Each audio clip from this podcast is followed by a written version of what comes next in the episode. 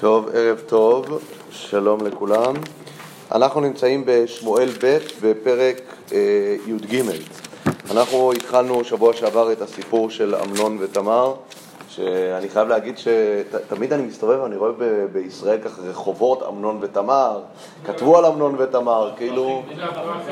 הפרחים, אמנון ותמר כנראה, אבל זה כאילו, אני לא יודע מי חשב על השם הזה והכל, אבל זה...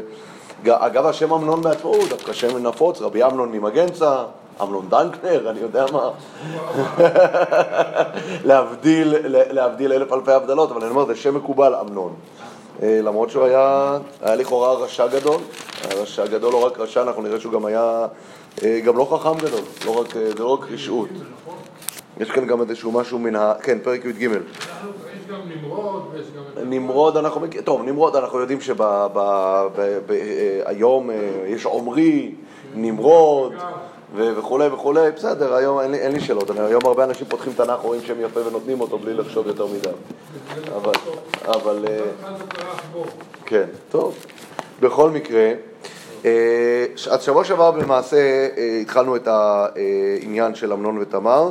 מה ששמנו לב זה כמה דברים מעניינים.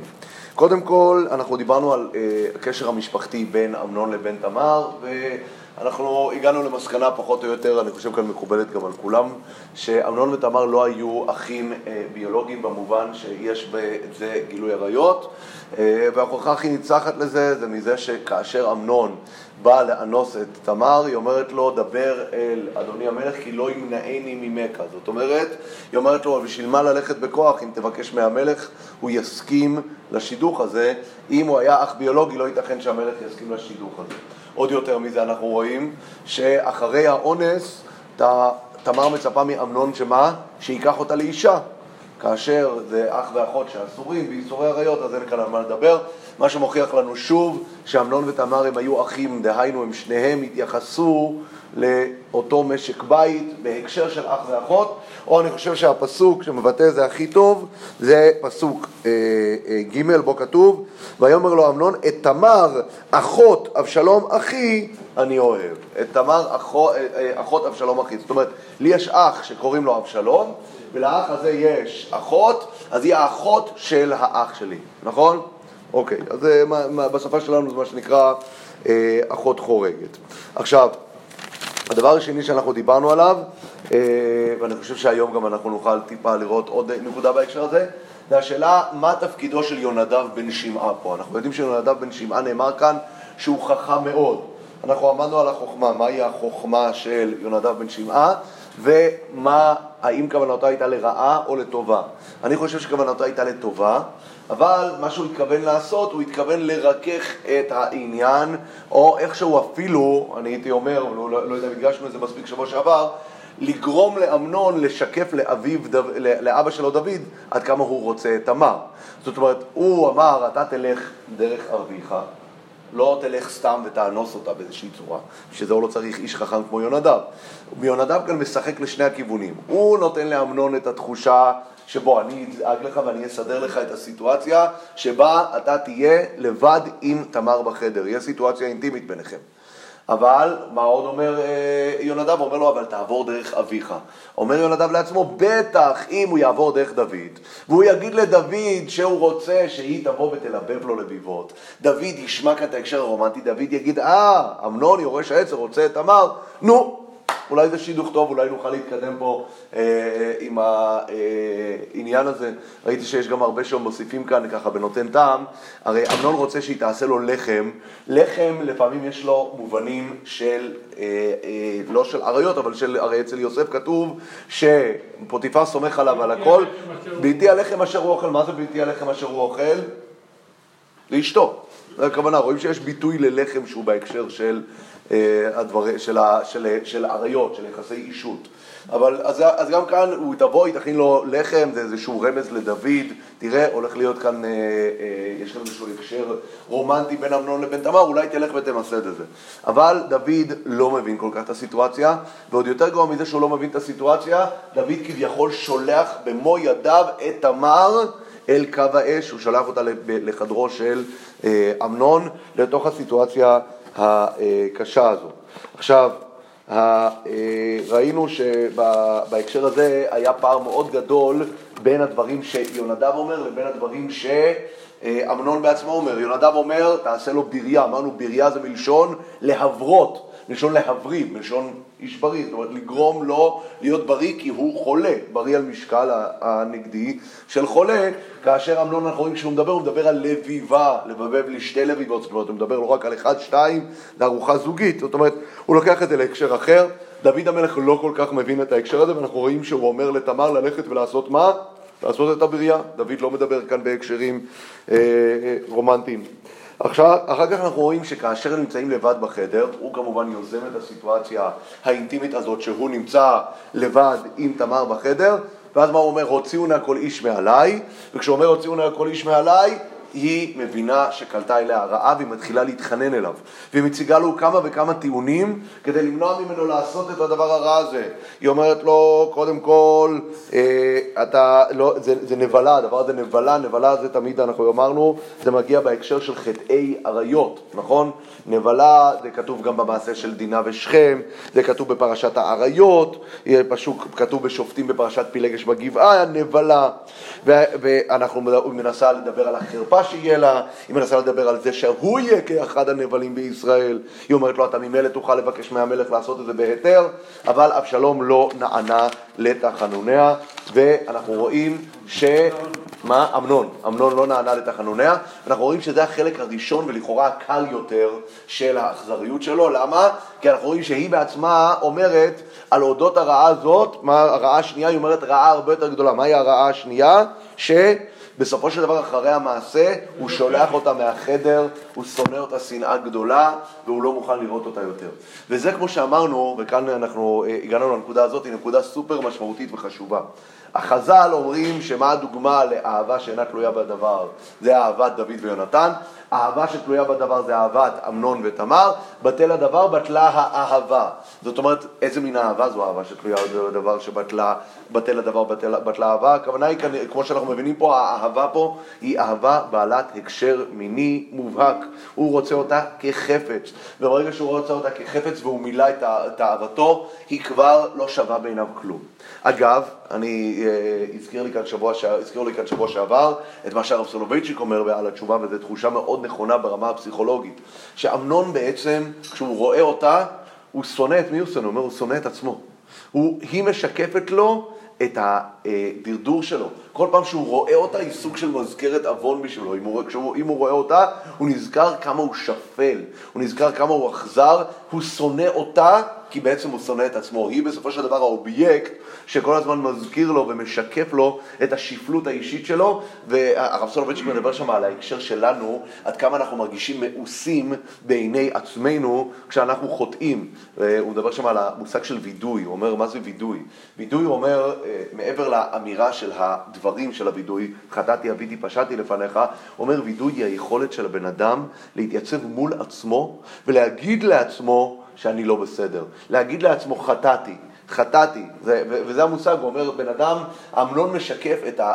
כמה, כמה קשה לך להגיד את זה. אמנון, במקום לעמוד מול עצמו ולהגיד חטאתי, אביתי, פשעתי, מה הוא עושה? הוא יוצר איזושהי שנאה עצמית כלפי עצמו, הוא לא אוהב את הדמות שלו, את אותה דמות של אמנון שמתנהגת בשפלות כזאת, ואז הוא מפנה את זה כלפי תמר, שזו הבחנה מאוד uh, מעניינת ברמה uh, הפסיכולוגית בהקשר הזה. אבל uh, ברמה, אני אומר, ברמה הבסיסית, בלי להיכנס לכל המשמעויות הפסיכולוגיות פה, בסופו של דבר הוא לא, הוא לא, רוצה, הוא לא רצה מתמר יותר מאשר את גופה ואחרי שהוא מימש את אהבתו, הוא לא רוצה יותר שום דבר ממנה והוא זורק אותה כחפץ אין לו, אה, שאין לו כל אה, ערך. אנחנו אמרנו כאן, וזה דבר מעניין, כי אני, אה, לפעמים, לפעמים יש הקבלות ככה שמאוד מאוד בולטות. דיברנו כאן על ההקבלה של מעשה שכם ודינה, בשניהם מדובר על בן של מלך, בן של מנהיג, שכם בן חמור, לעומת אמנון בן דוד. בשניהם נאמר שזה נבלה, בשניהם אנחנו רואים שהאחים מתערבים, בשניהם, בשניהם בסופו של דבר, וזו הנקודה שדיברנו, שכל ההשוואה הזאת הזאת באה להגיד לנו מה? באה להגיד לנו כמה מה שאמנון עושה גרוע, כי אפילו שכם בן חמור בסופו של דבר לוקח אחריות, נכון? מה הוא עושה? הוא רוצה לשאת את דינה לאישה לעומת שכם בן חמור שלא לוקח אחריות. אנחנו דיברנו גם על ההשוואה שעלתה פה לסיפור של יוסף ואשת פוטיפר, בהקשר גם של כתונת הפסים, בהקשר שדיברנו גם בהוציאו כל איש מעליי, אני לא, אני לא זוכר, עלו כאן אני חושב עוד כמה הקשרים, ודיברנו על הפער בין יוסף שהוא זה ש... הולך ונמצא בסיטואציה שמישהי מנסה לפתות אותו והוא מתגבר, לעומת אמנון שיוזם סיטואציית פיתוי והולך ואונס באכזריות. זה לכאורה שני הצדדים של, ה, אה, של הסקאלה, אם אפשר להגיד, בהקשר של התגברות על המידות. כאן זה השפלות המידות הכי גדולה, לעומת באמת היכולת ההינזרות, יכולת הפרישות אה, של יוסף בצד אה, השני לגמרי של הזה. אבל יש כאן עוד הקשר שכל הזמן עלה לי, ואני שמתי לב לו ככה תוך כדי השיעור בשבוע שעבר, שזה כל הזמן עולה לי ההקשר של פילגש בגבעה פה. כי כמו שדיברנו גם כאן, אבשלום אומר לה, קומי לכי, אנחנו דיברנו על זה שבפילגש בגבעה, מה קורה שמה? בפילגש בגבעה הוא גם אומר לה. קומי, קומי ונלכה, אם אני לא טועה זה לא מילה במילה, אבל הוא אומר לה גם, הולכים. אבל גם שם אגב בפילגש בגבעה מופיע הביטוי נבלה, מעשה נבלה, שיש מעשה נבלה שקרה אה, אה, שם. יש עוד, עוד נקודה, איפה זה אני רשמתי את זה לעצמי, בהקשר של פילגש בגבעה, שאנחנו דיברנו, כשרציתי להביא דוגמה בסיפור הקודם, אה, בסיפור של דוד ובת שבע לחמלה, נכון? אז אמרנו, איך אנחנו יודעים שדוד לקח את בת שבע לתוך ביתו מתוך חמלה? אנחנו דיברנו על זה, כשדיברנו בשיעור האחרון שלנו בשיעור האחרון שעסקנו בנושא של חטא דוד ובת שבע, אנחנו הבאנו הוכחה שדוד בסופו של דבר אחרי המעשה שהוא עשה, הוא לוקח את תמר לביתו מתוך חמלה. איך אנחנו יודעים את זה? מתוך הביטוי ויאספה אל תוך ביתו. לאסוף לתוך הבית, אנחנו הראינו בעוד מקומות בתנ"ך שלאסוף לתוך הבית זה תמיד ביטוי של חמלה, אבל איפה הבאנו ראייה? אחד מהמקומות? במעשה פילגש בגבעה. שבמעשה פילגש בגבעה, מה אנחנו רואים? שכאשר האנשים עוברים, הם עוברים את יבוס, הם אומרים לא, לא נלון בעיר נוכרי, ואז הם הולכים לגבעה, ואין איש מאסף אותם לתוך ביתו, ואז מה קורה? יש את הזקן ההוא מהר אפרים, שאוסף אותם לתוך ביתו. זאת אומרת שזה מאוד מעניין לראות את, ה, אה, אה, את הפערים האלה, וחטא דוד ובת שבע, והחטא של אמנון ותמר, הם שזורים זה בזה. לא זו בלבד שחטא אמנון ותמר הוא באיזשהו מקום שיקוף של חטא דוד ובת שבע. באיזה מובן הרד"ק לדוגמה אומר, בשני הדברים האלה יש עריות ויש חרב. מה, לאיפה יש עריות כאן? יש כאן את הנושא של אמנון שאונס את אחותו, ויש חרב, כי בסופו של דבר אמנון ימות מזה, ובסופו, נכון? הוא אומר, הרד"ק אומר שזה גם הסיפור של אבשלום אחר כך. במעשה אבשלום יש עריות, כי הוא שוכב את פלגשי אביו לאור השמש, שזה ממש אחד לאחד מה שנתן הנביא אמר שיקרה לדוד, וגם יש חרב כמובן, אותה מלחמת אחים ובסוף המוות של אבשלום.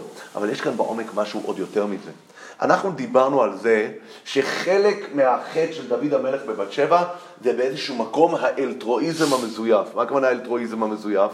הרצון של דוד לאסוף את בת שבע לתוך ביתו מתוך תחושה שהנה הוא עושה מעשה אצילי. למה הוא עושה מעשה אצילי? כי יש כאן את בת שבע. בת שבע בסופו של דבר נולד לה ילד.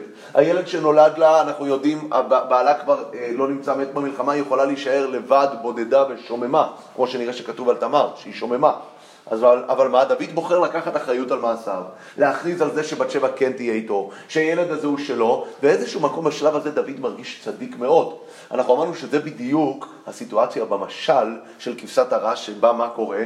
שבה מגיע האיש העשיר, ובשביל מה הוא גונב את הכבשה מהעני? מצווה. בשביל מצווה, בשביל להאכיל אורח, נכון? לשם שמיים לכאורה, נכון? דווקא שם אמרנו, נתן המתין תשעה חודשים, נתן לא בא להוכיח את דוד מיד. הוא בא להוכיח את דוד אחרי שהוא אוסף את בת שבע, מוליד את הילד, אז הוא מגיע ומדבר, אומר, אה, אה, אה, כאן דוד אתה מרגיש הכי צדיק בעולם, כאן אני בא לעקוץ אותך, כאן אני מגיע עכשיו להראות לך עד כמה אתה נפלת וטעית. אני חושב שהנקודה הזאת של לאסוף לתוך ביתו, היא נקודה ששזורה בתוך החטא של דוד ובת שבע מול החטא של אמנון ותמר. כי חלק מהעונש של דוד זה שהבן שלו יאנוס את אותה בת, את תמר, ולא יאסוף אותה לתוך ביתו. מידה כנגד מידה. אתה חשבת שאתה לוקח את בת שבע לתוך ביתך ואתה אוסף אותה לתוך ביתך ואתה מקיים מצווה גדולה, אבל בדרך עשית את המצווה הזאת תוך כדי שדברים אחרים לא לקחת בחשבון, הבן שלך אמנון ינהג מעשה לא ראוי באישה, מעשה שהוא ינהג בו באופן הרבה יותר גרוע משכם בן חמור, שהלך ולקח אחריות. המעשה של הבן שלך, המעשה הזה יתקיים בך, ואותה חמלה כביכול שחשבת, אז החמלה שאספת לתוך הבית, אתה בסוף תבין שהמעשה של פילגש בגבעה עצמו יחזור, יחזור אצלך בתוך הבית. החמלה הזאת של לאסוף, לאסוף אל תוך הבית, כמו אותו זקן בפילגש בגבעה שאסף לתוך הבית, לא, לא, לא, דוד המלך, אתה צריך להבין, אתה לא הזקן. בסיפור הזה. בסיפור הזה הזקן מהר אפרים הוא האיש הטוב שאוסף את האנשים המסכנים, הוא מנסה להציל אותם, כל אנשי העיר צובעים על הבית. לא, לא, לא, דוד המלך, אתה לא הזקן מהר אפרים בסיפור הזה. בסיפור הזה אתה מישהו אחר לגמרי. בסיפור הזה משקפים לדוד דרך הבן שלו אמנון, שהוא אותו האיש הפילגש בגבעה. המעשה שלו עם בת שבע לכאורה, אם אני אומר, אם אני לוקח את המעשה של אמנון ותמר, כביכול משקף לדוד, מה שאתה עשית זה בדיוק מה שאמנון עשה. הדבר הזה יהיה, ישתקף בצורה הכי הכי ברורה, איפה? כשאנחנו נראה איך דוד מגיב למעשה אמנון, אמנון ותמר. אנחנו נראה מיד איך דוד מגיב, ואני כבר אגלה לכם, הוא לא מגיב. הוא לא מגיב, כביכול ידיו כבולות, אין לו מה להגיד על הסיפור הזה, כי דוד בעצמו מבין עד כמה הוא מנוע מלהוכיח מישהו על הסיפור הזה, וכביכול הדבר הראשון שיגידו לו, אם הוא יפתח את הפה על המעשה של אמנון ותמר, מה יגידו לו? טול קורה מבין עיניך, איך אתה בכלל יכול לדבר על הנושא הזה? זה מראה עד כמה בתוך הסיפור משתקף שמעשה אמנון ותמר הוא שיקוף של מעשה דוד אה, בבת שבע, וכמו שאנחנו אמרנו, זה גם בא לידי ביטוי בדיוק על הנקודה הזאת, האם לאסוף לתוך הבית, ועוד פעם אני אומר, דוד בוודאי במצב יותר טוב מאמנון.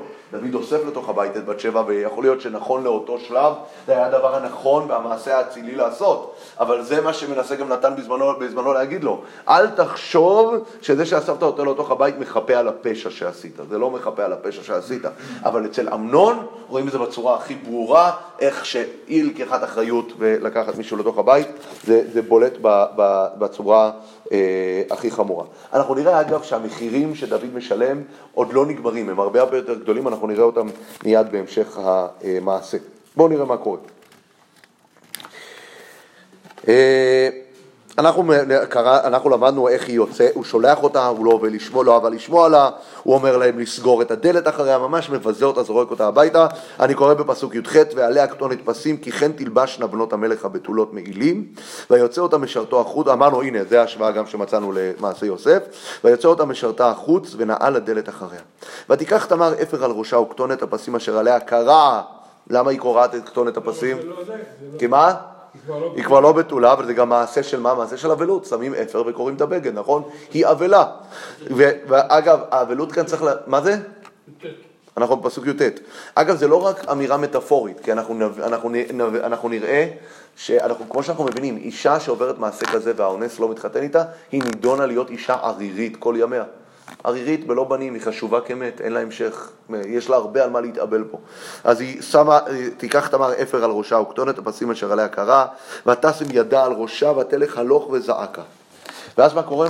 היא פוגשת את אח שלה אבשלום, אוקיי? ואז עד לכאן הגענו, פסוק כ'. ויאמר אליה אבשלום אחיה, האמינון אחיך היה עמך? מה זה אמינון? אמנון, אז מה זה אמינון? האם אמינון? מה, אמינון? אני לא יודע, אני חושב אולי זה... אמוני. הקטן, או אמוני או אמנון קטן. קטן, קטון, אמינון. אמינון, כן. אחיך, האמינון אחיך היה איתה עמך, ואתה, אחותי, החרישי, אחיך הוא. אל תשיתי את ליבך לדבר הזה. איזה מין תגובה מוזרה. מה אומר לאבשלום? אה, עזבי, לא נורא. לא צריך להתייחס. גם לעשות יחסי ציבור על הנבלה הזאת, כי זה בושה בשבילה. אתה אומר, הוא אומר לה, לא כדאי לך לבזות את עצמך, אולי תוכלי, אולי תוכלי להסתיר את זה? בואו נראה. חוץ זה יכול להיות שיהיה בשקט עד שהוא ינקום בו. או, אז זה מה שאני רוצה להגיד. על פי הפשט, מה שאבשלום עושה פה, הוא עושה פה עכשיו מעשה מאוד מאוד מאוד ערמומי. הוא זועם הוא היה מוכן ללכת באותו רגע לקחת פגיון בידו ולרצוח את, את אמנון, אין כאן ספק בכלל. ורמת הכעס שלו היא כל כך, איך אני יודע שרמת הכעס שלו כל כך עצומה? כי אני רואה ששנתיים אחר כך זה עדיין בוער בו. אבל כמו שאומרים אצלנו, בדואי אוכל את הנקמה שלו כשהיא קרה, יש לו זמן, יש לו סבלנות, נכון? אז אה, אבשלום, אנחנו רואים כאן, חוץ הוא רצה לראות גם את התגובה של המלך. בוא, בוא, נראה, זה גם, בוא נראה מה קורה, זה יפה, זה, נכ- זה גם נכון, זה גם נכון. בוא נראה, אנחנו נראה מיד איך המלך יגיב, מה זה? לא לאישה. לא... מחכה לראות עד כמה, מה גודל הזוועה, אתה אומר. מה? כן. גודל הזוועה? בוא נראה. ותשב, בוא, אני, אני רק לא אז זה מה שהוא אמר, בוא נראה, זה נראה, זה הבא, אבל אני חושב שעוד הפעם, אם הוא היה אדם, אה, אה, בוא נגיד, פזיז, הוא היה הולך באותו רגע ומכה את אמנון, ולא היינו מתפלאים על זה אם הוא היה אדם פזיז. אנחנו נראה שאבשלום, המעלה, ש- אחת המעלות הגדולות שלו לאורך כל הדרך זה הסבלנות שלו. הוא אדם מתוכנן, אדם מחושב, הוא יודע לקחת את הדברים ולעשות תכנון כמו שצריך, הוא לא, כן, הוא לא סתם רץ, אוקיי? בוא נראה. ולא, והמלך, ותשב תמר ושוממה בית אבשלום אחיה. ותשב תמר ושוממה, מה זה ותשב תמר ושוממה? היא, היא גם יושבת והיא גם במצב של מה זה שממה? שממה זה כמו שאנחנו מתארים, אין לך מה לעשות, אין, מתייבשת. ומתייבשת לגמרי, כמו מדבר שממה. בית אבשלום אחיה, יושבת אצל אח שלה, למה היא יושבת אצל אח שלה? כי עוד פעם, אנחנו רואים, הוא לוקח עליה חסות והוא כן לוקח עליה אחריות. זה לא סתם שהוא אומר לה, תשבי בשקט, אל תדברי, היא אצלו, היא תחת חסותו. והמלך דוד שמע את כל הדברים האלה, וייחר לו מאוד. נו, וייחר לו מאוד, ומה הוא עושה? בוא נראה. ולא דיבר אבשלום אה, עם אמנון למרע ועד טוב. מה זה ולא דיבר אבשלום? אני הייתי אומר ולא דיבר דוד. לא. ולא דיבר אבשלום עם אמנון למרע ועד טוב. נו, אני הייתי רוצה, אני הייתי משמיט את המילה כאן אבשלום, והיה כאן לכאורה משפט מאוד הגיוני. והמלך דוד שמע את כל הדברים האלה, וייחר לו מאוד, ולא דיבר עם אמנון למרע ועד טוב. אבל לא, יש כאן איזושהי נקודה. כאילו הפסוק אומר כאן, חייב... בעיקרון היו צריכים כאן כולם לדבר. דוד היה צריך לדבר, אבשלום היה צריך לדבר. למה דוד לא מדבר? לא צריך להסביר. למה דוד לא מדבר? כי אמרנו, הוא לא יכול לפתוח את הפה בנושא הזה. זה- מה, מי הוא שידבר בנושא הזה? למה אבשלום לא מדבר? בוא נראה. והמל... ולא דיבר אבשלום עם אמנון למרע והטוב, כי שנא אבשלום את אמנון על דבר אשר עינה את אחותו. אז אבשלום שונא את אמנון בגלל מה שהוא עשה לתמר. עינה, כמובן אנחנו יודעים, עינה, הכוונה היא אנס, זה תמיד הביטוי של ויעניה. אה, ולכאורה ברוגז. ברוגז, סכסוך משפחתי, אין כאן, אנחנו לא יודעים אה, אה, אה, מה להגיד. אגב, דבר מאוד מעניין, בתרגום 70 פה, תרגום 70, איך הוא מתרגם את מה שקורה כאן בין דוד לבין אמנון, אז הוא אומר את הדבר הבא, ולא עצב את רוח אמנון בנו, על דוד זה נאמר, כי אהבו כבכורו. מה, מה קורה פה? מה, למה בתרגום 70, אנחנו יודעים מה זה תרגום 70 אגב, או שאני צריך להסביר? תרגום 70 אנחנו מדברים על, אה, על אה, זה, זה מדובר כאן עוד בזמן, אם אני לא טועה, מדובר כאן עוד בזמן בית שני. תקנו אותי אם אני טועה, באלכסנדריה 70 זקנים מתרגמים את המקרא לראשונה ליוונית. פילון, לא? מה?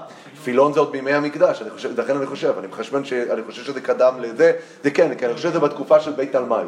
זה בתקופה של בית תלמי, לדעתי זה אה, לקראת אה, סוף בית שני, ויש, חז"ל מדברים על כל מיני שינויים, אבל באמת עד היום אנחנו מכירים הרבה שינויים בתרגום שנעשו לצרכים אפולוגטיים, כדי מה שנקרא לתרגם כל מיני דברים. רש"י על התורה מביא בכל מיני מקומות, כשכתוב לגבי אלוהים בלשון רבים, הם תיקנו את זה ללשון יחיד וכולי וכולי. אז כאן זה אחד המקומות הם מתקנים, ומה הם אומרים? ולא עצב את רוח אמנון בנו, כי אהבו כבכורו. זאת אומרת שתרגום 70, מי שתרגם פה הרגיש שיש כאן משהו שלכאורה לא יכול להיות. איך ייתכן שדוד לא אומר שום דבר לאמנון? אז אומרים לא, ולא עצבו. אגב, על מי נאמר ולא עצבו אביו מימיו? על אדוניה.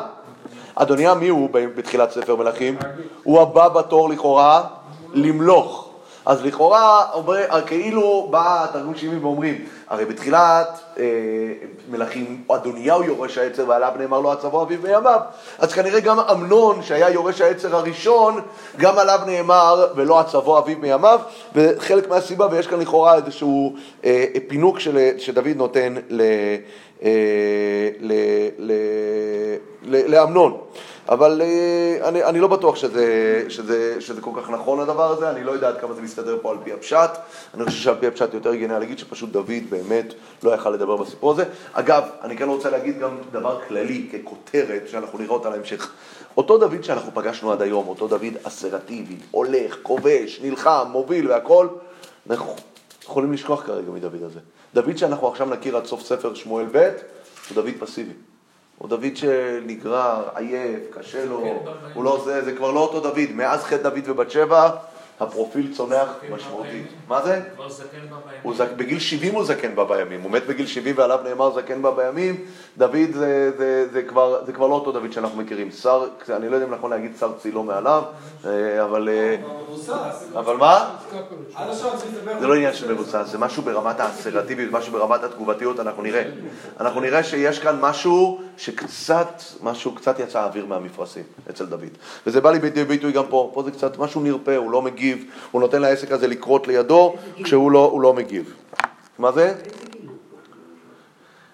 אני לא יודע להגיד, שאנחנו, עוד פעם, אנחנו יודעים להגיד שדוד, אגב, אני סתם חייב להגיד, שאני פעם אחת מאוד, אני יודע שכולנו יודעים שדוד מת בגיל 70, נכון? לא כתוב במקרא שהוא מת בגיל 70, כתוב שהוא דוד שנה, מלך בגיל 30 שנה, כתוב שהוא מלך 40 שנה, אנחנו יודעים שכשאבשלום נהיה מלך, אה, כש- כששלמה נהיה מלך דוד מעביר לו את המלוכה, אבל לא כתוב בשום מקום שהוא מת. יכול להיות, וזה מאוד מקובל, ש... אתה יודע, הוא העביר לשלמה את המלוכה בעודו בחייו ונתן, אה, אה, המשיך באמצע, זה לא כתוב, חז"ל אומרים את זה, הפרשנים אומרים את זה, אבל זה לא כתוב בשום מקום בפירוש שדוד מת בגיל 70. עוד פעם, זה לא מופקע, אבל יכול להיות, הבעיה במשפט הזה זה והמלך דוד זקן בא בימים. זקן בא בימים אה, נאמר על אברהם, נכון? ואברהם זקן בא בימים, והשם ברך את אברהם בכל. בן כמה אברהם שמה? יותר מפי שתיים משבעים. אז אתה אומר, זו תקופה אחרת, פרופורציית השנים שונה, אבל עדיין, זה, זה קצת מוזר להגיד. אה, זה לא זה, 70 70 זה יכול היה להיות זקן. יכול להיות זקן, אנחנו יודעים, אנחנו נלמד על עוד מעט על ברזילי הגלעדי, שהוא נקרא זקן, זה נקרא זקן. הוא כבר, אנחנו רואים שם הרבה, אני חושב בן 85, זה- אני, זה, בוא, אני לא זוכר בעל פה את המספר. 70 זה בסדר. אני אומר, זה זקן, אבל זה לא זקן בא בימים. מה זה? יש לה מהות. מה זה? יכול להיות, יכול להיות. תראו, אני רוצה להניח, אם אתה שואל אותי בן כמה היה דוד, אנחנו רואים שהוא היה עם בת שבע, זאת אומרת, מדובר כאן, הוא עדיין מה שנקרא פעיל, הוא עדיין כוחו במותניו, אז כמה מבוגר הוא יכול להיות בסיפור בזמן המעשה של בת שבע? לא יודע. כמה ילדים? אז נניח, מה? ילדים. הילדים שלו גם יחסית, אנחנו רואים כאן מבוגרים, פעילים, יש לאבשלום בית, יש דברים. אני מניח שהוא אה, לקרא, מה שנקרא בעשור האחרון, בין 60, אני מוכן להמר בין 50 ל-60, 70, לא יודע להניח מתי, אבל שמה בערך, כן. אה, אין, אין כאן אה, איזשהו ציר זמן מסודר מספיק אה, אה, כדי, כדי לדעת בין כמה הוא היה. מעניין. כמה זמן זה אחרי המלחמה בבני עמון? מאוד, עוד פעם, גם מאוד קשה לדעת פה. כי שם עוד כוחו במותניו. בוודאי, בוודאי, אני אומר. ש... אז לכן אני אומר, אין, אין כאן, אני חושב שזה די ברצף פה האירועים האלה. אני לא חושב... בגיל 50, אבל היה כן, משהו כזה. כן. אם היא אחותו של אבשלום, מאוד מעניין שהיא הולכת לאבשלום ולא להוריה. ולא להוריה. זה חלק אולי מהעניין, שדוד כאן, אנחנו רואים, דוד לא לוקח אחריות על הסיטואציה. היא הבת של מי? של מעכה. של מעכה אשת אה, דוד, נכון. מה? כן, כן, היא לא הבת של דוד. היא הבת של מעכה מאיש אחר. טוב, נכון, היא הולכת לבית של אבשלום, אבשלום הוא... נכון, היא לא הולכת, לא הולכת לשם, נכון? נכון, בוא, נ- בוא נמשיך.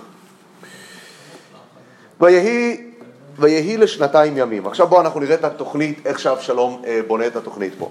ויהי לשנתיים ימים. ויהיו גוזזים לאבשלום בבעל חצור אשר עם אפרים. ויקרא אבשלום לכל בני המלך, זאת אומרת אנחנו יודעים יש חגיגה, חגיגה של הגז שעושים, חג הגז. מה? חג הגז, איפה פגשנו את חג הגז קודם? אצל נבל, נבל הכרמלי גוזזים, נכון? יש, יש אה, חג, אנחנו יודעים שכל פעם שיש קציר, יש אסיף, יש משהו, חגים חקלאיים, חגים שקשורים לדברים האלה, יש חג. ויקרא אבשלום לכל בני המלך. ויבוא אבשלום, עכשיו זו חגיגה גדולה, אתה חוגג את ה, באמת את היבול המשובח, את הגז. ויבוא אבשלום אל המלך, ויאמר הננה גוזזים לעבדיך, ילך נא המלך ועבדיו עם עבדיך.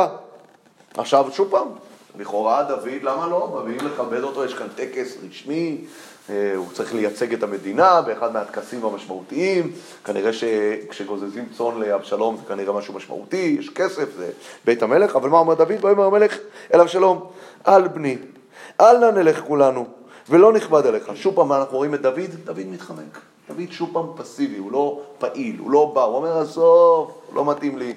כמובן שאנחנו מבינים שהוא נמצא עדיין באותו דיכאון מהסיטואציה, הוא בעצמו היה, היה לו את החטא, יש את הסיפור של אמנון שיושב עליו, וכבר לא אותה, שמחת חיים ללכת ולהשתתף במסיבות ובחינגאות, והוא אומר שהוא לא רוצה.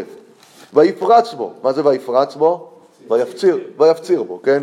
ויפרץ בו ולא אבה ללכת ויברכהו. ויאמר אבשלום, ולא ילך נא איתנו אמנון אחי. זאת אומרת, מה הוא עושה כאן? הוא עושה כאן תרגיל מאוד uh, חכם, אבשלום. הוא אומר, הוא ממתין, קודם כל, מה הוא עושה? הוא ממתין שנתיים. כשהוא ממתין שנתיים הוא מבין שמה? שרמת העניין יורדת, גמרנו, יש חדשות, יש כבר דברים אחרים, דברים כבר לא מעניינים כמו הסיפור שלו ושל אמנון. אז להמתין שנתיים זה היה חכם מאוד מצידו. דבר שני, הוא מזמין את כל בני המלך כדי מה לייצר? לייצר כאן אירוע שאתה חייב להיות בו. You must come, you must be there. אם אתה לא שם, אתה לא קיים. הוא יוצר אירוע שחייבים להיות בו כולם, ולכן גם כל בני המלך כולם RSVP, כולם מאשרים הגעה, אין דבר, כל מדורי הרכילות וכל היחצנים והכל מדברים על המסיבה הגדולה של אבשלום. ואז מה? ברור שמתבקש שגם המלך יכבד את האירוע הזה בנוכחותו, והוא פונה למלך, אבל אבשלום, אבשלום יודע מה המצב רוח של דוד. הוא יודע בדיוק שמה? שדוד עדיין שקוע בשקו ותעניתו, הוא עושה תשובה, הוא לא, הוא לא בעניין של זה, הוא בדיכאון מכל הסיטואציה הזאת, והוא פשוט לא פנוי כרגע לחגיגות. אבל מה הוא עושה? הוא מפציר מאוד בדוד, מראש הוא יודע שדוד יגיד לו לא. אבל מה הוא עוד יודע? הוא עוד יודע שמה? שהוא יבקש מדוד במקומו, שמי ייצג אותו? ימנון, למה דווקא אמנון? יורש העצר, יורש העצר מייצג את המלך, נכון? א' הוא גם ביקש את זה. מה זה? כן. נכון, אבל אבשלום לא רק מבקש את זה. אבשלום מבקש את זה אחרי שהוא ידע מראש שהוא יקבל סירוב מדוד. לסרב כבר פעמיים זה לא קל. כאן כבר דוד לא יסרב. זה כבר אחרי שנתיים דוד אומר לעצמו, אה, אבשלום, אמנון, אני לא יודע. ולא ילך אה, אבשלום, אמנון אחי איתי. אז הוא אומר לפחות שיהיה כאן אה, מילוי מקום, הוא גם אומר אחי, שימו לב, אמנון אחי, כאילו, אנחנו אחים, מה, מה הבעיה? אנחנו הרי קראנו שאבשלום שונא את אמנון, לא, הוא אומר לדוד, אבשלום אחי, כן? ויאמר לו המלך, למה, אבל המלך, זאת אומרת, דוד לא פראייר, אומר לו, למה ילך עמך? ויפרוץ בו אבשלום, שוב פעם, מדגישים כאן, שוב פעם אבשלום מפציר בו, וישלח איתו את אמנון ואת כל בני המלך. זאת אומרת, אחרי שאבשלום מפציר בו בפעם השנייה, אבשלום יודע פעמיים, אם אני אבקש ממנו ואני עוד אפציר בו, הוא ודאי לא יוכל להגיד לי לא, ולכן מה קורה? הוא לוקח את, אה, את אה, אמנון איתו למסיבה הזאת. מה?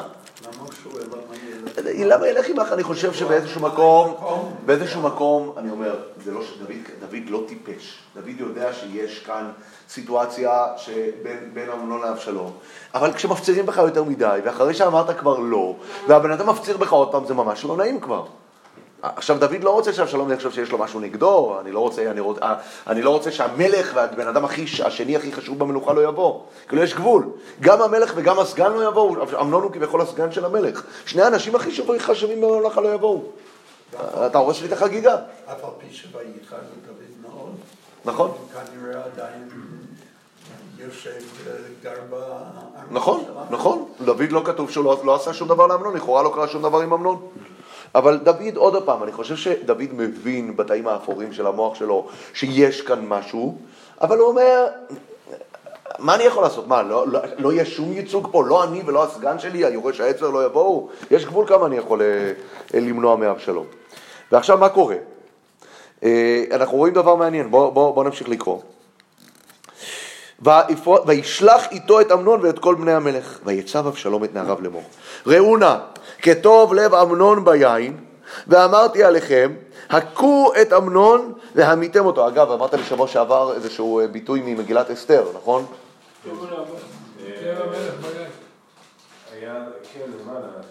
כאן אנחנו רואים כטוב לב אמנון ביין. בואו נמשיך, תנסה למצוא את זה שנייה, ככה זה מעניין. אבל אם יש מגילת אסתר, זה מגילת אסתר לוקח... נכון, נכון. כטוב לב אמנון ביין. אבל ב- מה- כאן אנחנו רואים, טוב, אני חושב שזה גם ביטוי כללי, שכטוב כטוב לב מישהו ביין, הוא מאבד את זה, אבל אה, זה מעניין ההקשר הזה. אנחנו, אפרופו, אנחנו ראש חודש אדר, יכולים לדבר על מגילת אסתר. אה, תמצא, תמצא, מעניין אותי מה שאמרת שבוע שעבר. שבוע שעבר הבאת לנו כאן איזה הקשר על אה, מגילת אסתר. אה, הנה, כי כן תלבשנה בנות המלך הבתולות. זה מעניין. כן תלבש בנות המלך, טוב, מעניין לראות אם אפשר באמת אה, לבנות כאן איזושהי אה, מקבילה מעניינת.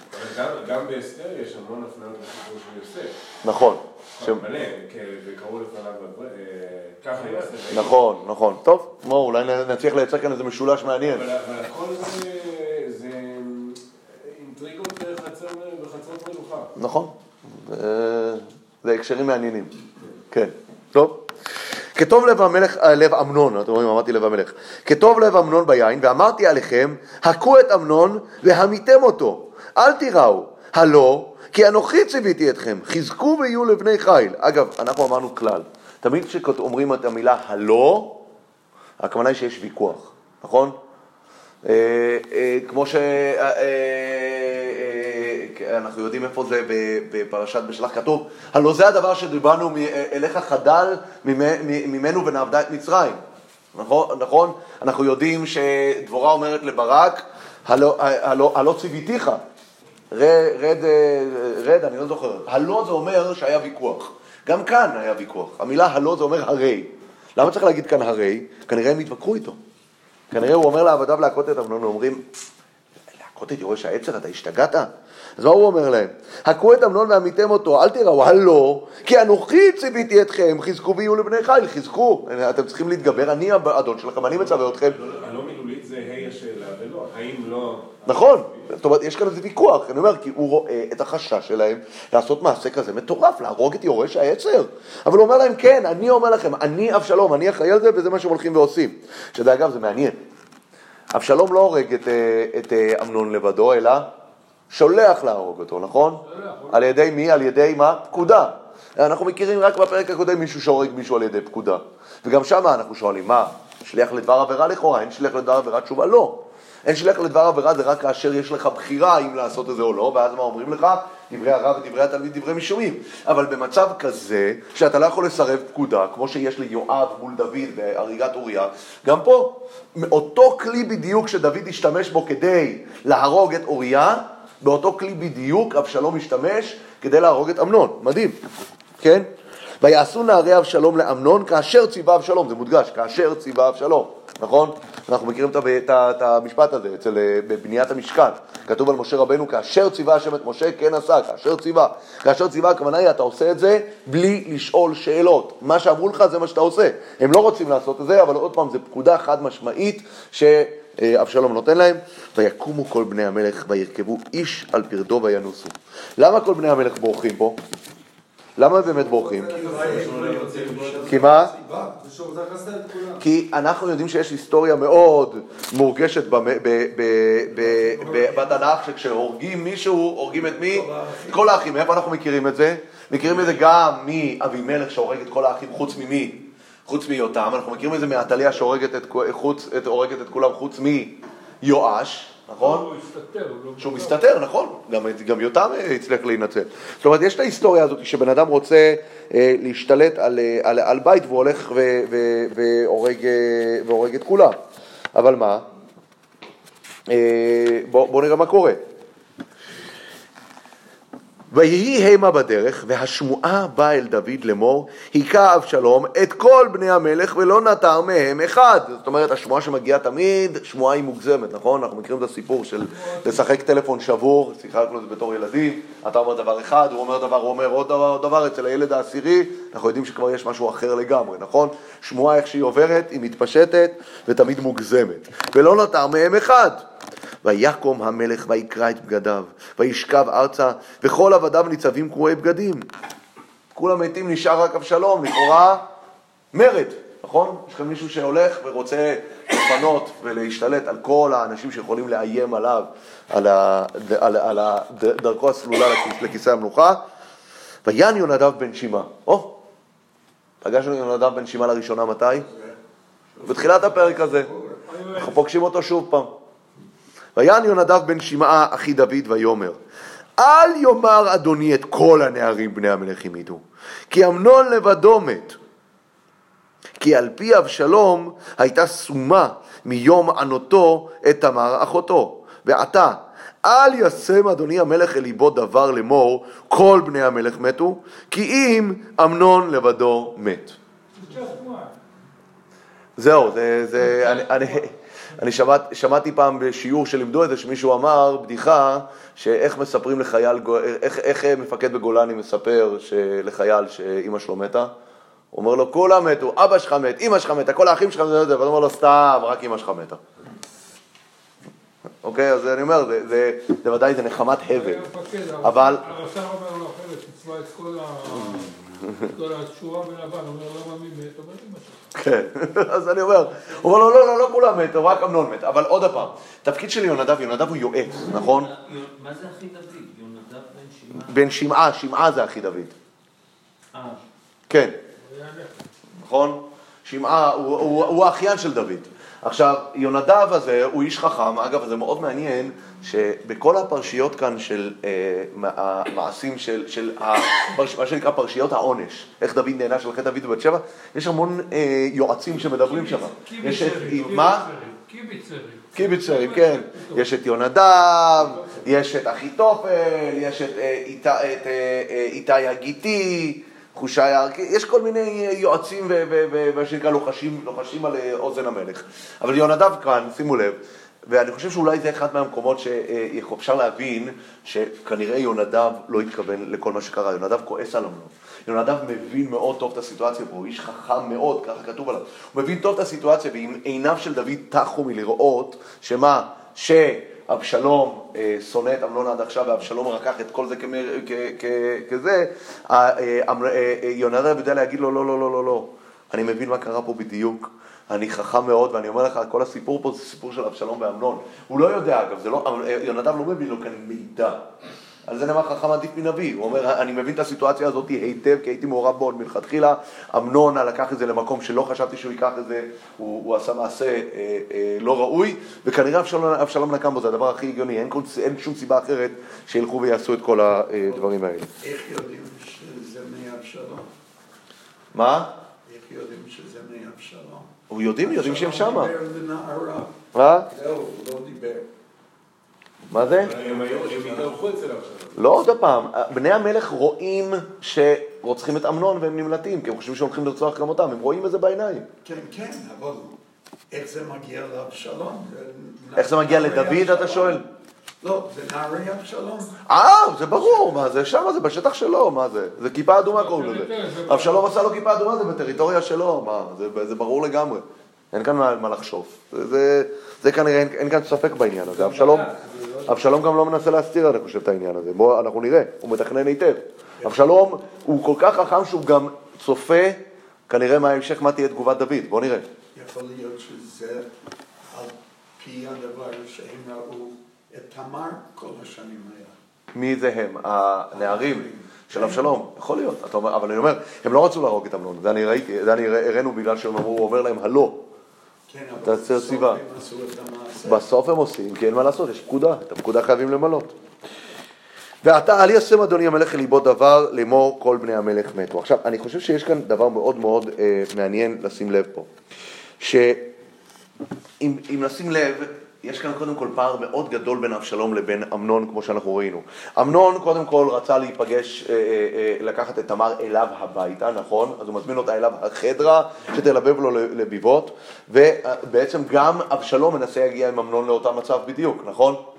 בשתי הסיטואציות, מי שולח את הנפגע לבית הפוגע? המלך, דוד. דוד המלך בעצמו. הוא שולח את תמר, לכי תעשי לחם בריה למי? לאמנון. הוא שולח את אמנון, לך לבית של אבשלום. מדהים. אבל מצד שני, בפעולות של שניהם אנחנו רואים את הפער הגדול. אמנון, אין לו את החוכמה הזאת של אבשלום, אז הוא צריך להתייעץ עם יונדב. והוא מתייעץ עם יונדב, ומה שקורה זה שהוא נוהג בטיפשות.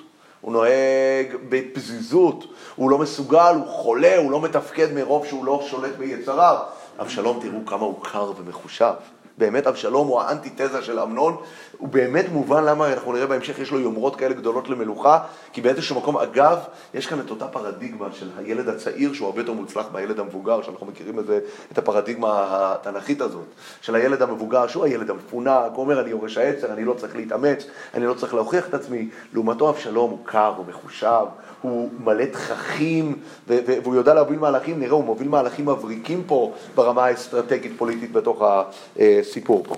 אז מה, מה, מה ו- ו- ואני אומר, והעמידה כנגד מידה על דוד המלך כאן היא בולטת נורא. כי הרי אנחנו דיברנו על זה שהסיפור המשמעותי בחטא דוד ובת שבע זה שהוא כל הזמן שולח, נכון? וישלח ויגיע, וישלח לזה, אנחנו דיברנו על זה שהפועל שלח מופיע שם, אם אני לא טועה, 15 פעמים בפרק של דוד ובת שבע. פה מידה כנגד מידה, אותה שליחה של דוד, דוד גם רוצה לשבת בבית פסיבי. הוא שולח את תמר אל אמנון, הוא שולח את תמר אל, אה, את, את, את, את אמנון אל אבשלום, כביכול במו ידיו, דוד בעצמו שולח, אומרים לו כביכול, אותה שליחה ששלחת בפעם הקודמת כדי לארגן את הסיפור שלך עם בת שבע, עכשיו זה מתנקם בך, השליחה הזאת. ולכן כאן דוד שולח את תמר, ודוד שולח את אמנון. לשניהם לגורלם אמר, תחשבו איך דוד, מה דוד מרגיש אחרי המעשים האלה. בפעם הראשונה שחורה לדוד מאוד, מעבר לזה שחורה לו על מה שאמנון עשה ועל מה שקרה לתמר, חורה לו איך יכלתי להיות כזה, אני לא רוצה להגיד על דוד מלך ישראל את זה, אבל כזה נאיבי. ולשלוח ככה את, את, את, את, תמר, והנאיביות לא נגמרת. שוב פעם, הוא לוקח את אמנון ושולח אותו לתוך המלטעות הפתוחות של אבשלום כדי לרצוח אותו. כשאתה חוזר, תחשבו על הכאב העצום שדוד חווה כשהוא מבין שהוא היה כלי משחק פה. הוא היה פשוט כלי משחק. זה, זה, זה, זה מדהים כמה כאב אה, יש מסביב לדבר הזה. ועכשיו בואו נראה, מאוד מעניין, מה קורה בהמשך. אנחנו בפסוק ל"ד, ויברח אבשלום, ואני רוצה שתשימו לב, כי אנחנו, זה, זה, אנחנו אה, בזה נסיים, איך, אנחנו, איך הביטוי ויברח אבשלום מופיע פה, מהם ההקשרים שזה מופיע פה. אז זה מתחיל ככה, ויברח אבשלום, וישא הנער הצופה את עיניו, וירא והנה עם רב הולכים מדרך אחריו מצד ההר. מה הקשר ויברח אבשלום? לכאורה, הרי הנושא שעזבנו, שסיימנו עכשיו, מה היה? האם הנערים מתו או לא נערים מתו? מה אומר יונדב? אל תדאג, רק אמנון מת. לכאורה צריך למחוק את המילים ויברח אבשלום. ויאמר לו לאמור, אל ישם אדוני המלך את ליבו דבר לאמור כל בני המלך מתו, כי אם אמנון מת. וייסע נהר הצופה את עיניו, וירא והנה עם רב הולכים מדרך אחריו מצד ההר. ויאמר יונדב אל המלך, הנה בני המלך באו כדבר עבדך כן היה. נכון? זה הרצף המתבקש. מה הקשר פה לכתוב פתאום ויברח אבשלום? עכשיו, הרבה מבקרי מקרא אומרים שיש כאן סלט, כל מיני דברים שהשתרבבו, לא השתרבבו. עוד שנייה ננסה לבאר את זה. מה? למלך כן. זה צופה של דוד. זה צופה של דוד.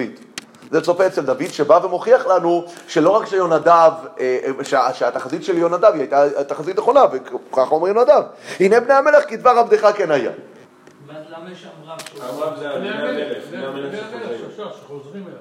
כי המלך חשב שכולם מתו, כן. בואו נמשיך, פסוק ל"ו. ויהי ככלותו לדבר, והנה בני המלך באו. ויישאו קולם ויבכו, כולם, אה, כולם בוכים, זה, זה אסון גדול, אמנון מת. וגם המלך וכל עבדיו בכו בכי גדול מאוד. כן? ואבשלום ברח, וילך אל תלמי בן עמיהוד, מלך קשור, ויתאבל על בנו כל הימים. מי זה? על מי הוא מתאבל? על אבשלום. או על אמנון? לא, לא, אבשלום עוד לא מת. אבשלום לא מת, למה שיתאבל עליו? ואבשלום ברח, וילך גשור, ויהי שם שלוש שנים, ותכל דוד המלך לצאת אל אבשלום, כי ניחם על אמנון כי מת. מה, מה, מה, מה קורה פה? יש כאן לכאורה קצת סלט ירקות לא, בכל הדבר הזה. מה? הוא נשאר בלי ילדים, זה נהרג, זה נהרג, זה לא... תמר מתה, זה מתה, הרגו לו את המשפחה, הוא אומר, מה יהיה? מישהו... בוא נראה. אז אה, אני חושב שההסבר פה הוא ככה, וזה מאוד מעניין, ובזה באמת אה, נסיים פה. אם נשים לב על הבריחה של אבשלום, היא מצוינת שלוש פעמים, ובואו נראה את ההבדל ביניהם. בפעם הראשונה כתוב משפט לכאורה תקוע בלי הקשר, ויברח אבשלום. מה כתוב בפעם השנייה? אבשלום ברח. ולא, ואבשלום ברח, אבל לאן? ויברח, ואבשלום ברח וילך. זאת אומרת, לא כתוב שהוא ברח רק, כתוב שהוא ברח והלך. אל תלמי בן עמיהוד מלך קשור. שמי זה, מי, זה מה? לא, מי זה? זה הסבא שלו, נכון? מעכה. מעכה, הרי הוא מגיע, הוא הלך, הלך לב, למה שנקרא לבית המשפחה הקודמת, כן? אבל מה כתוב בפעם השלישית? ואבשלום ברח וילך שוב ויהי שם שלוש שנים. זאת אומרת, בפעם הראשונה כתוב שהוא ברח.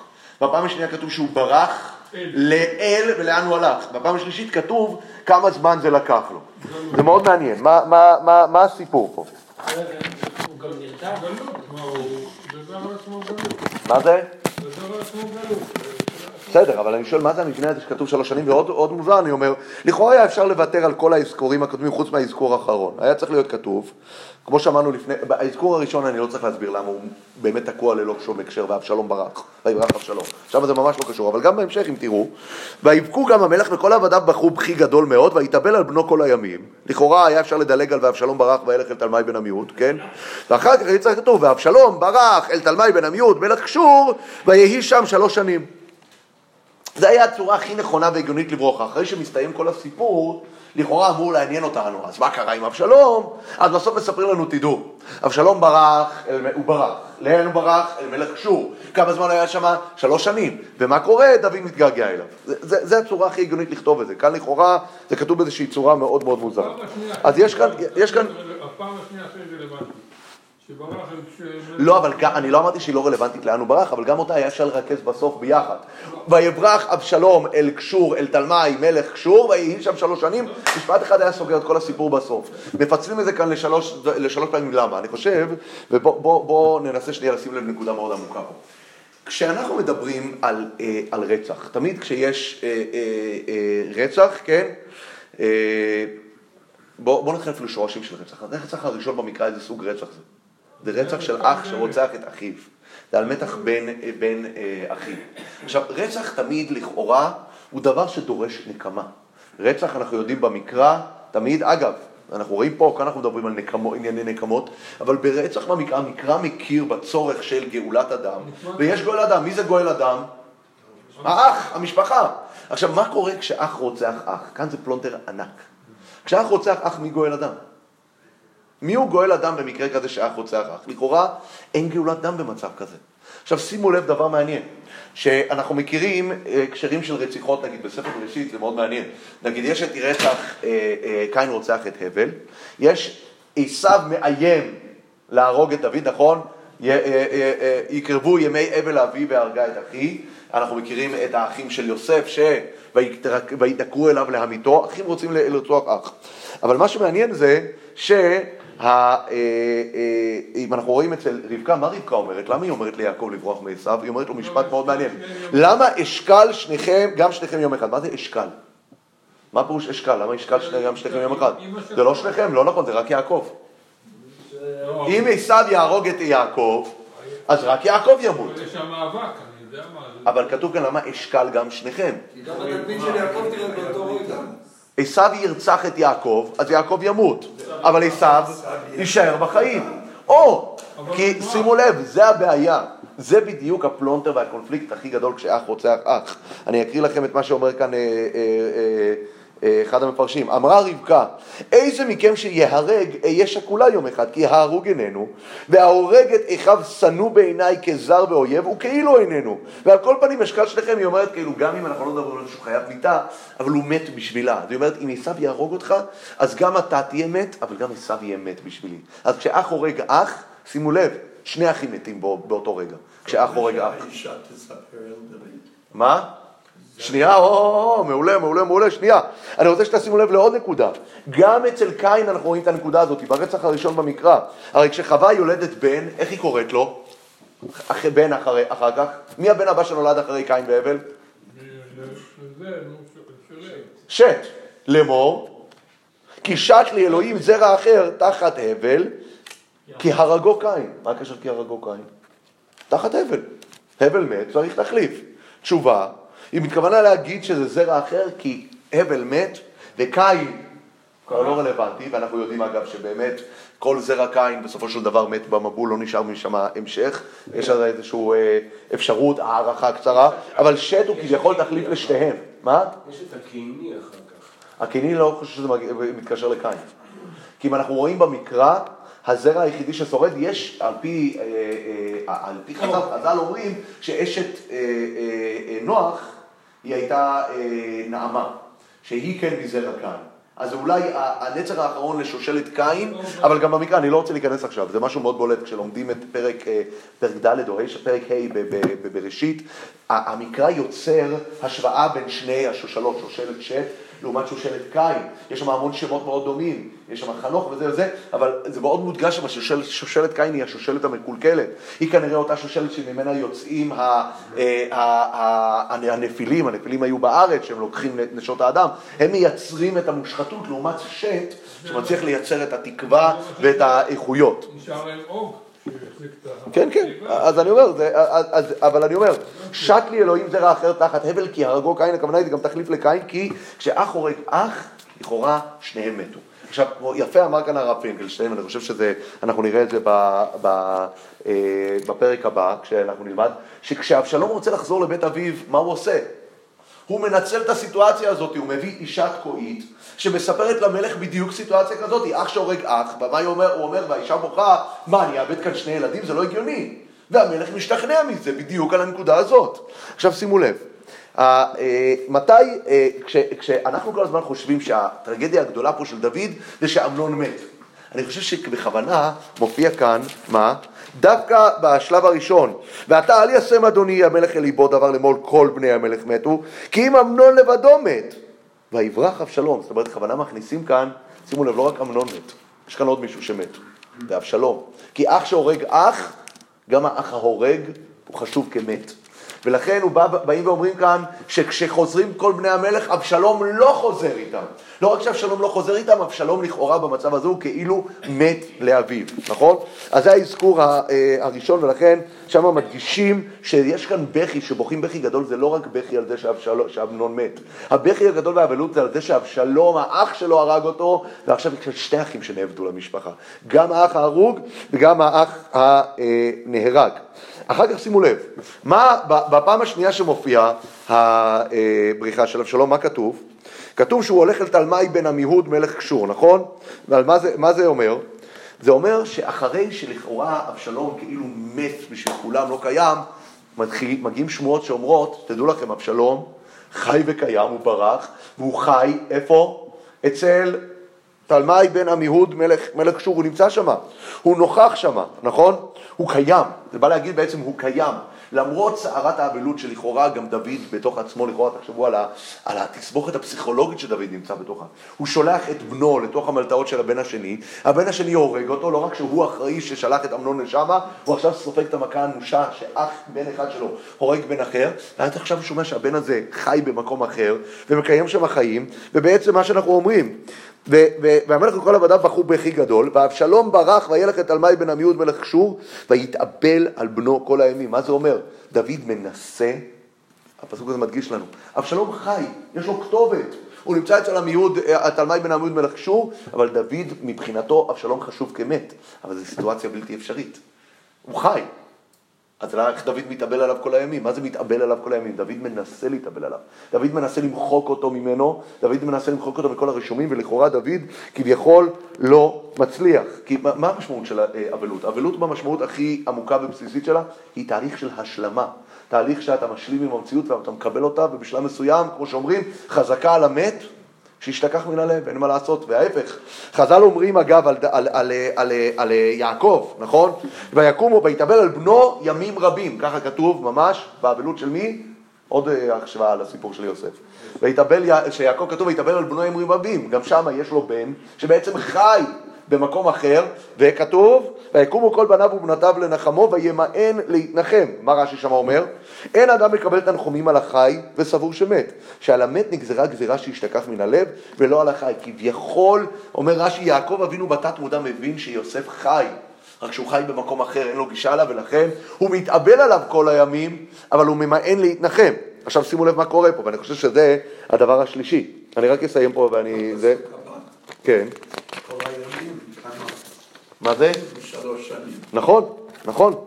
עכשיו, הדבר הזה הוא מאוד מעניין, אגב, גם אצל שמואל אנחנו רואים, עם שאול, שאחרי ש... ולא אסף שמואל לראות את שאול עד יום מותו, כי התאבל שמואל אל שאול, והשם ניחם כי המליך את שאול על ישראל. זאת אומרת, מה. יש מתאבל ויש ניחם, נכון? מתאבל זה אומר שעדיין כואב לך. נכון? זה עדיין כואב לך, לעומת ניחם, זה אומר שהשלמת, נכון? יעקב אבינו מתאבל וממאן להתנחם, שימו לב. שמואל מתאבל והשם ניחם, זה אומר, השם השלים עם זה ששאול לא יהיה מלך יותר, נכון? אבל שמואל ממשיך להתאבל על שאול, שמואל... מה? ניחם זה גם לשון להתחרט.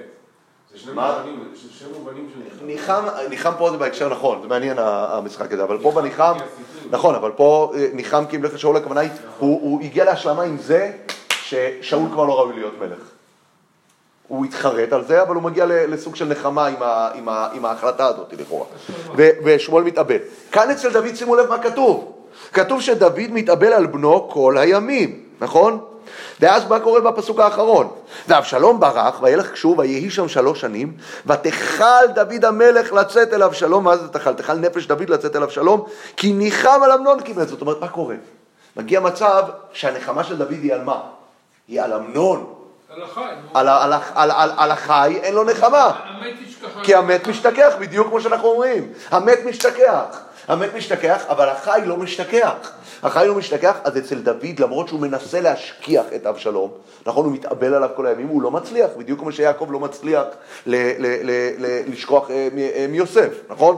והוא לא מתנחם, הוא ניחם רק על אמנון, אבל על אבשלום הוא לא מתנחם, ולכן הביטוי האחרון שכתוב כאן, ואבשלום ברח וילך קשור, ויהי שם שלוש שנים שמופיע בפעם האחרונה, זה מה שמבטא את זה שה... אה, זה כבר געגועים, זה לא סתם אבלות, נכון? הוא נמצא שם שלוש שנים ודוד מתגעגע אליו כל יום ויום, הוא רוצה את אבשלום, נכון? זאת אומרת, יש כאן שלוש שלבים פסיכולוגיים ביחס של דוד.